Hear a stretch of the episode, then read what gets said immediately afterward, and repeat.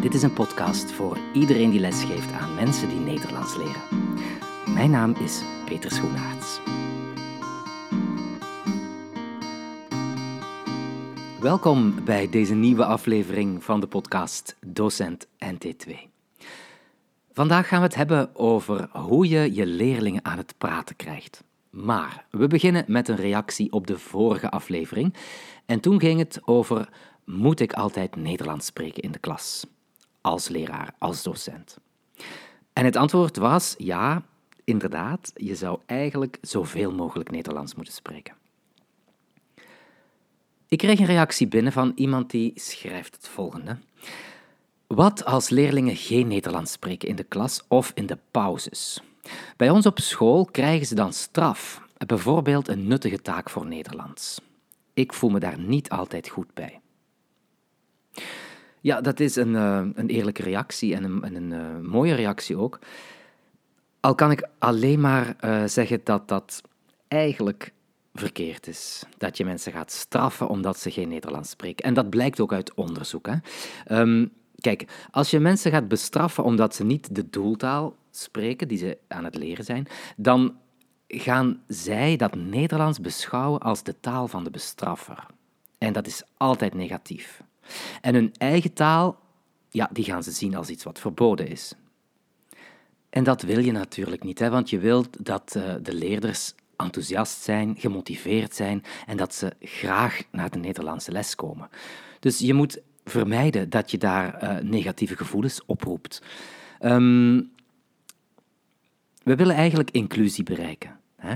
Uh, zeker in de NT2. We willen diversiteit omarm, omarmen. Um, het is zo, hè, deze reactie komt van iemand die in een uh, middelbare school lesgeeft, waar heel veel jongeren meertalig zijn. Hè, dat, dat, dat is gewoon zo tegenwoordig. Um, ik denk dat je een plaats moet geven aan elke taal en dat elke taal ook evenwaardig moet zijn, dat dat heel duidelijk moet zijn, maar dat je goed moet uitleggen waarom je vraagt om op bepaalde momenten alleen Nederlands te spreken. Bijvoorbeeld in de klas, om hen te helpen, om hen de kans te geven te oefenen, uh, omdat ze dat bijvoorbeeld thuis niet doen of omdat ze dat in de pauzes niet doen. Um, maar ik denk um, dat je het belang daarvan goed moet uitleggen. En ik kan me ook voorstellen hè, dat kinderen of jongeren die in een Nederlandse les zitten, dat die soms stoom moeten aflaten.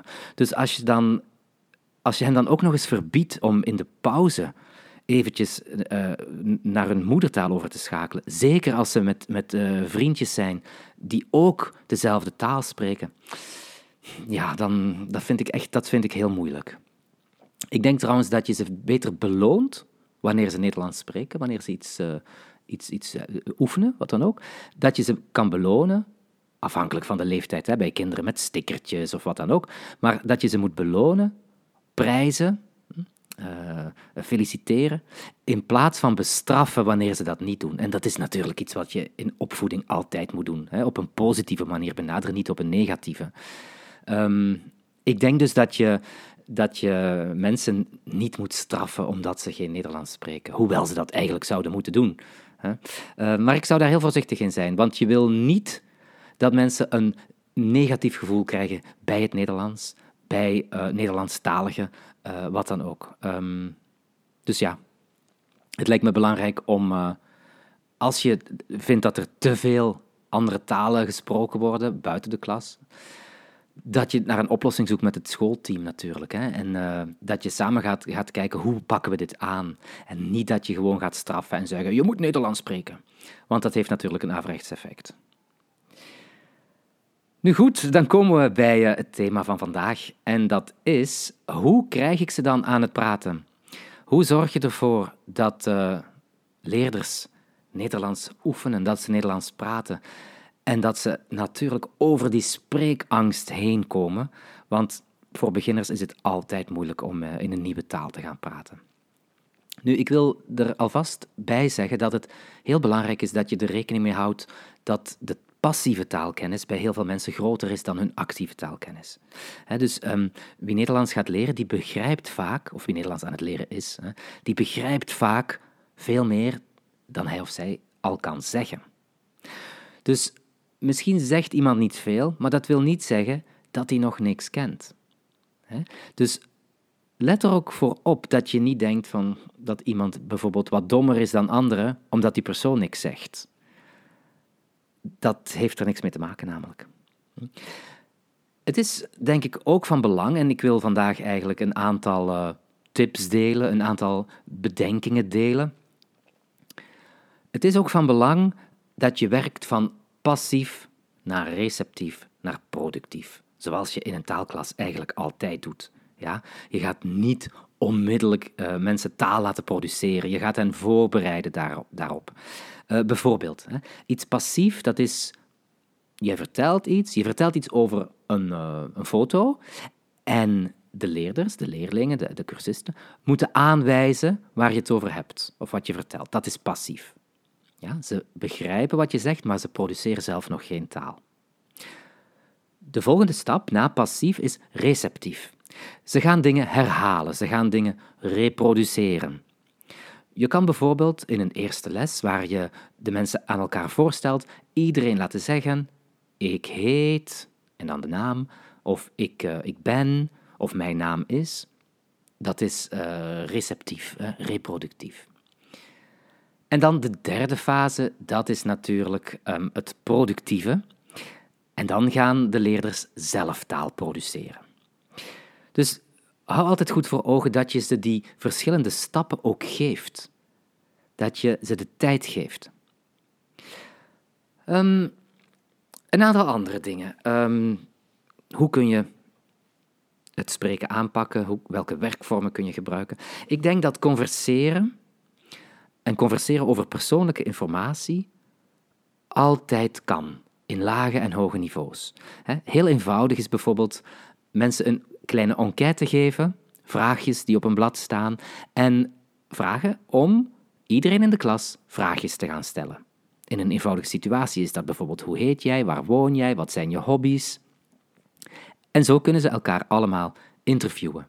Ze spreken, ze antwoorden kort, ze schrijven eventueel iets op. Ze zijn bezig, ze zijn aan het converseren, ze zijn persoonlijke informatie aan het, uh, aan het uitwisselen. Nu, wat moeilijker is bijvoorbeeld spreken in tweetallen of in kleine groepjes. En dan kun je ze al wat moeilijkere vragen geven. Ik, ik zeg maar wat, hè. bijvoorbeeld wat eet je graag? Uh, wat doe je als je ziek bent? Wat heb je vorig weekend gedaan? Hm, dat kan ook.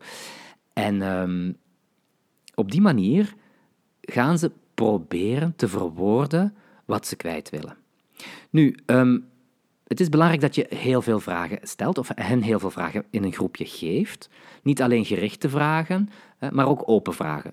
Dus niet alleen maar um, wat eet je graag, maar ook vertel eens, uh, wat, wat heb je gekookt? Nu, in een klas kun je, als je in tweetallen of in groepjes laat werken, ook rustig laten voorbereiden. Uh, je kan zeggen dat ze eventueel sleutelwoorden opschrijven. Uiteraard niet meer, geen hele zinnen, want dan gaan mensen, uh, zodra je hen uh, een vraag gaat stellen of, of uh, gaat vragen wat ze besproken hebben, dan gaan ze dingen voorlezen. En dat is niet de bedoeling. Dus hier en daar een woordje opschrijven, dat kan altijd, maar niet meer, anders gaan ze niet spontaan spreken. En dat moeten ze uiteraard leren. Een heel belangrijk, een belangrijk term bij het spreekonderwijs is de informatiekloof. Eigenlijk moet je altijd zorgen voor een informatiekloof. Ik weet niet of iedereen uh, weet wat de informatiekloof is, maar dat betekent dat mensen samenwerken en dat de een iets weet wat de ander niet weet. Ze moeten dus samenwerken, ze moeten elkaar informatie vragen of geven. Net zoals bij een enquête, zoals ik uh, net al, al noemde. Een, een, een, heel mooi voorbeeld vind ik van, van een informatiekloof. En dat is iets wat je met kinderen kan doen, met tieners, met volwassenen, met alle leeftijden, alle niveaus, dat is het AB-dicté. Um, het AB-dicté is een dicteetje dat je in tweetallen doet, waarbij de ene persoon A een aantal woorden of zinnen heeft, of zinnen waarin woordjes ontbreken, en de tweede persoon, persoon B, die heeft andere woorden, andere zinnen, of die heeft de stukjes van de zin die ontbreken in de zinnen van persoon A. Dus een AB-dicté. Persoon A heeft niet alles wat op het blad staat van persoon B en andersom. Daar komt het op neer. En het leuke, ze moeten ja, om de beurt lezen natuurlijk. Het leuke is dat je in dit soort oefening de vier vaardigheden aan bod laat komen. Ze moeten lezen, ze moeten spreken, ze moeten luisteren naar elkaar en ze moeten schrijven. En dus uh, dit is een heel mooi voorbeeld van de informatiekloof. Andere dingen zijn natuurlijk dat je, dat je de ene persoon een tekstje geeft over een onderwerp en de andere persoon uh, vraagjes geeft. En dan uh, moet die persoon met de vraagjes te weten komen wat er in de tekst staat van de andere persoon. En andersom, uiteraard. Hè. Je kan, uh, je kan heel veel dingen hiermee bedenken met een informatiekloof. Want dat, dat houdt altijd in dat iemand iets niet weet wat de ander wel weet. En dat zorgt ervoor dat mensen gemotiveerd zijn, dat mensen graag willen weten wat die ander weet. Nog iets anders wat ik net al heb aangestipt is een foto, maar je kan ook een beeldverhaal gebruiken, bijvoorbeeld een, een, een bladzijde uit een strip.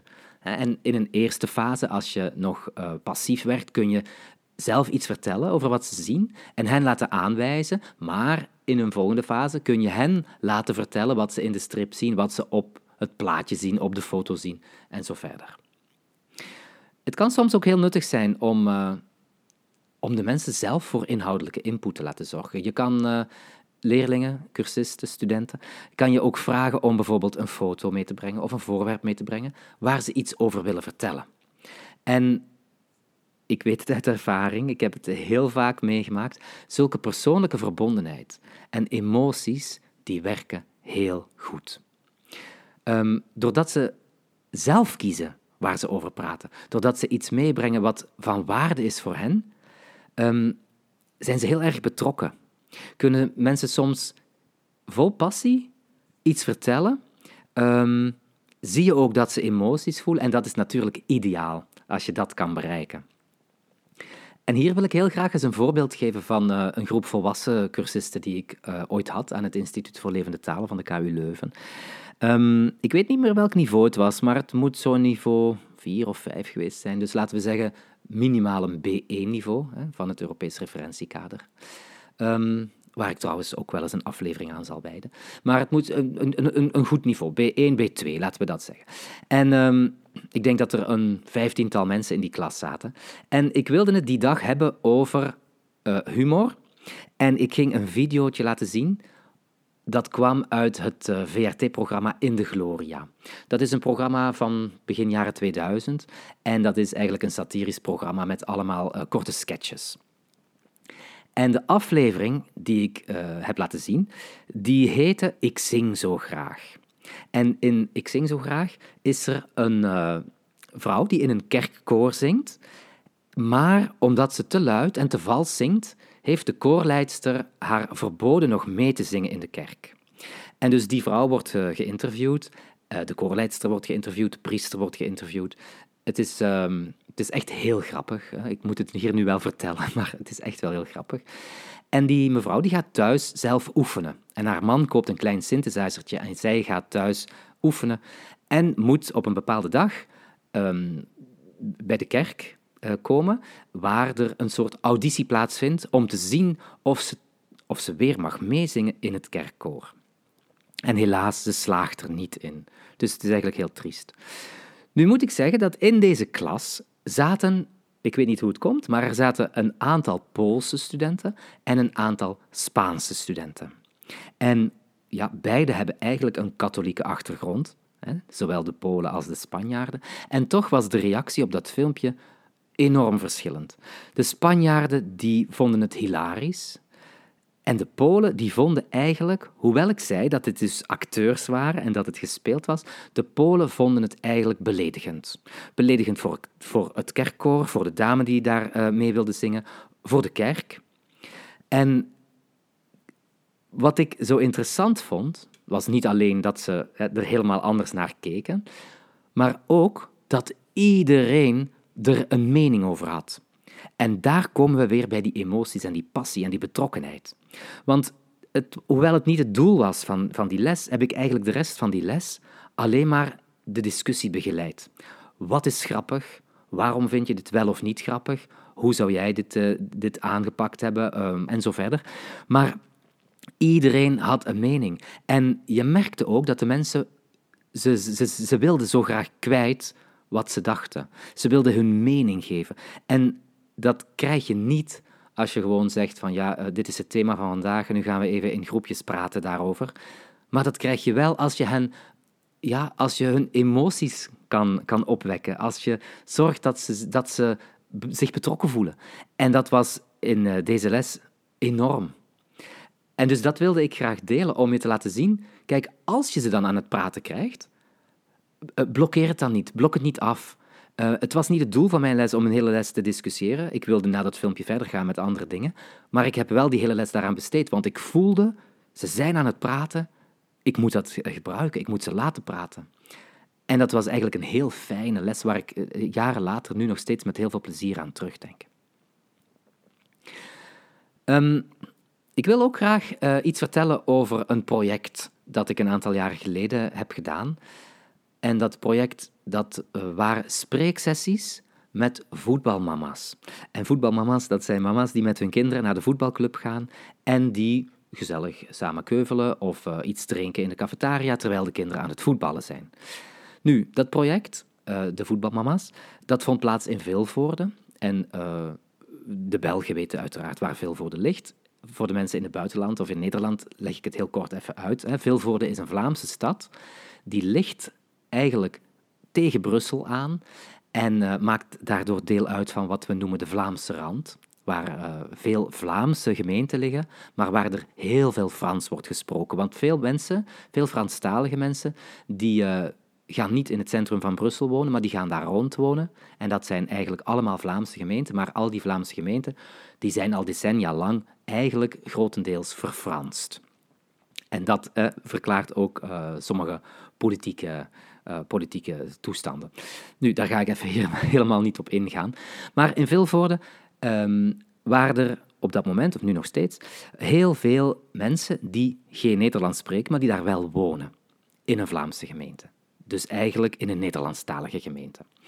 En omdat de voetbalclub graag iets wilde doen voor die mama's die daar toch zaten te wachten tot hun kinderen klaar waren met de voetbaltraining, besloten zij om een project op poten te zetten en daar heb ik bij geholpen.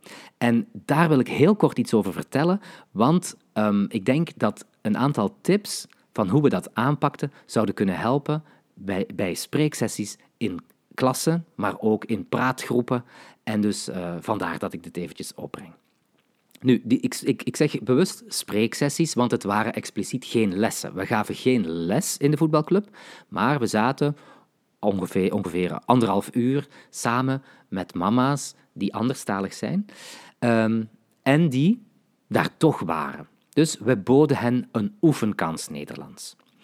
En hoe hebben we dat gedaan? Wel, we hebben hen in contact gebracht met inspirerende vrouwen, vrouwen die een rolmodel konden zijn en die in het Nederlands met deze voetbalmama's gingen praten. De onderwerpen die kozen we in functie van de interesses van de mensen. Dat was uiteraard onderwijs, uh, voeding, kinderrechten, EHBO, uh, solliciteren en zo verder. Nu, de deelnemers die uh, konden spontaan vragen stellen, die konden spontaan ervaringen vertellen bij al die behandelde thema's. En wij zorgden ervoor dat ze bleven praten of dat ze tot praten kwamen. Um, hoe deden we dat? Wel, ook daar werkten we van receptief naar productief. Eerst gingen wij telkens een thema introduceren, een filmpje laten zien, daar iets over vertellen, beelden tonen, foto's tonen. Uh, en daarna nodigden wij de deelnemers uit om vragen te verzinnen over die thema's, vragen um, over dingen waar ze meer over wilden weten. En dat was telkens één sessie. En in de volgende sessie, dus de week daarna, kwam er altijd een vrouw op bezoek. En dat was dan vaak iemand, een experte, uh, iemand die kwam vertellen over dat thema. En dus omdat ze in een eerste sessie al een beetje waren voorbereid, dingen hadden gehoord over het thema, zelf vraagjes hadden mogen verzinnen, in kleine groepjes. Hè. Ze spraken Nederlands, maar af en toe schakelden ze over op uh, hun eigen taal, omdat ze iets niet begrepen. Zo waren ze al voorbereid. En dus de week daarna kwam dan die vrouw uh, die te gast was.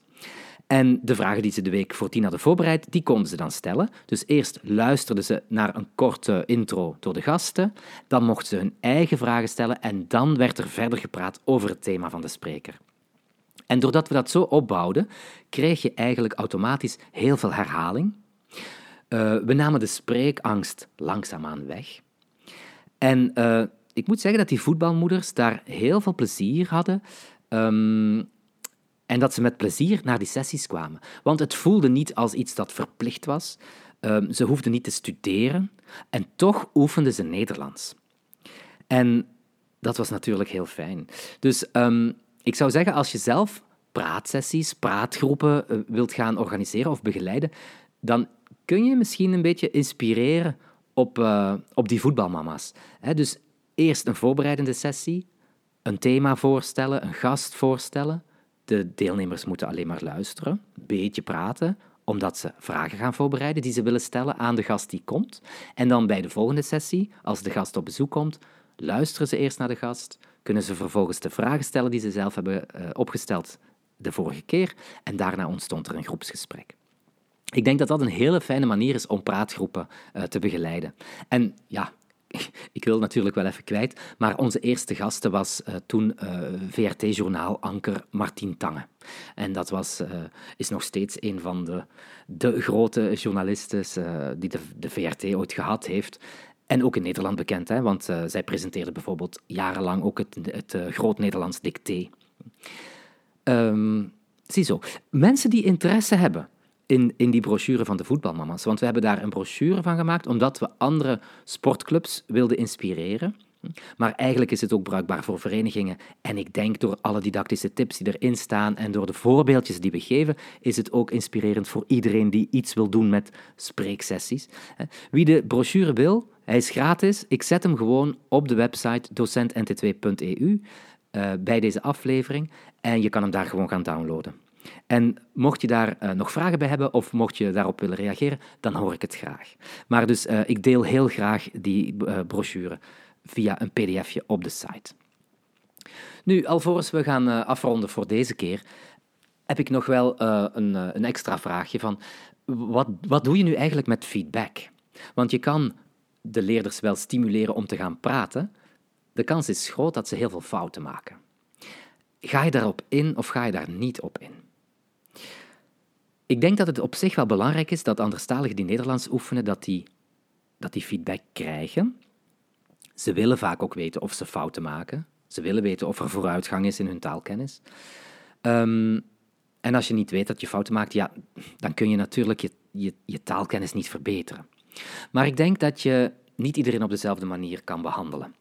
De ene persoon kun je, kun je heel expliciet corrigeren, de andere klapt dicht als die, als die kritiek krijgt. Dus je moet er voorzichtig mee zijn, uh, zodat je niemand afschrikt, dat je niemand demotiveert. Wat ik belangrijk vind bij feedback is dat je je een beetje richt ook op het niveau. Het heeft geen zin om bij beginners opmerkingen te maken over uh, grammaticale zaken die ze toch nog niet geleerd hebben, uh, die pas in een hoger niveau aan bod gaan komen. Ik zou, altijd ik zou mezelf altijd concentreren op de opvallendste fouten, dingen die meteen opvallen, waarvan je weet, die fout gaan ze vaker maken. Dat is iets dat ze eigenlijk op dit niveau wel zouden moeten kunnen. Op die fouten zou ik me uh, concentreren. En uiteraard, je hoeft niet in een klassituatie, hoef je niet mensen persoonlijk aan te spreken over hun fouten. Als je een klasgesprekje hebt gevoerd, of je hebt uh, verschillende groepjes even aan het woord gelaten, dan kun je natuurlijk zeggen dat je een aantal opvallende foutjes die je gehoord hebt even wilt behandelen, zonder te noemen wie die fout gemaakt heeft. Dat doet er ook niet toe.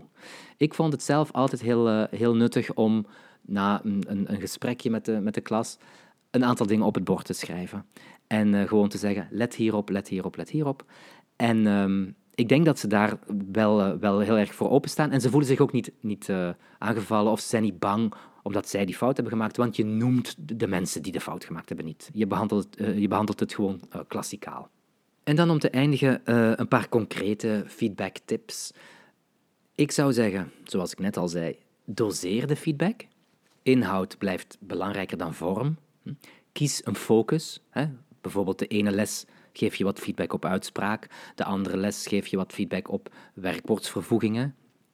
Maar geef niet te veel opmerkingen in één keer. Uh, uh, dat is ook voor de, voor de leerders te veel, te moeilijk. Probeer je te beperken. En dan, um, om ervoor te zorgen dat je mensen niet uh, schoffeert, zal ik maar zeggen, corrigeer zoveel mogelijk impliciet. als je een uh, klasgesprek hebt gevoerd of uh, een rollenspel hebt gespeeld, dan is het logisch dat je achteraf expliciete feedback gaat geven. Maar stel dat je aan het praten bent met een anderstalige, dan is het handiger om impliciet feedback te geven, zodat je um, datgene wat die persoon aan het vertellen is niet, niet te sterk onderbreekt. Uh, en impliciet feedback geven, dat is eigenlijk herhalen wat iemand zegt, en tegelijkertijd ook herformuleren wat die persoon zegt. Dus ik geef even een, een voorbeeldje. Iemand zegt bijvoorbeeld: Ik heb veel gelacht. Dan kun je zeggen: Je bedoelt gelachen, niet gelacht, maar gelachen.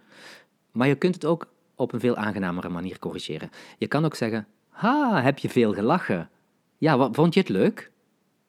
Ja, heel leuk, zegt die persoon dan. En dan kun je bijvoorbeeld opnieuw zeggen: En daarom heb je veel gelachen. Je hebt veel gelachen. Ja, ik heb veel gelachen. En op die manier kan die anderstalige zijn eigen fout corrigeren zonder gezichtsverlies. Ja? Je, je bent niet expliciet op de fout gelacht ingegaan, maar je hebt wel aangegeven dat het gelachen moet zijn. Kijk, en e, e, expliciet, hè, ik heb hier nog een leuk voorbeeldje. Expliciet, dat is als iemand bijvoorbeeld eh, zegt: um, Ik heeft geen tijd, dat je daarop reageert door te zeggen: Nee, nee, nee, ik heb geen tijd. Jij hebt geen tijd. Hij heeft geen tijd. Ja, wat moet ik zeggen? Ik moet er al van lachen. Ehm, dat is heel uh, autoritair en ik denk niet dat je op die manier nog les moet geven, eerlijk gezegd. Ziezo, uh, deze aflevering zit er weer op. Ik vind dat het altijd uh, heel snel voorbij gaat. Ik blijf maar praten, praten, praten. Ik hoop dat jullie het interessant vinden. En uh, als dat het geval is, dan mag je deze podcast uiteraard delen met je collega's, delen binnen je netwerk. Je mag reageren. Je mag je favoriete spreektips, feedback achterlaten op onze Facebookpagina. Dat is de pagina Docent NT2. Uh, eh, in Facebook tip je gewoon uh, docentnt2.eu. En je kan uiteraard reageren en een beoordeling achterlaten op uh, Spotify. Mocht je nog niet geabonneerd zijn op deze podcast, dan kun je dat heel makkelijk doen via Spotify, via Apple Podcasts of via Google Podcasts, want daar zouden we ondertussen ook op moeten staan. Dankjewel voor het luisteren. Ik kijk uit naar de reacties en uh, heel graag tot de volgende keer.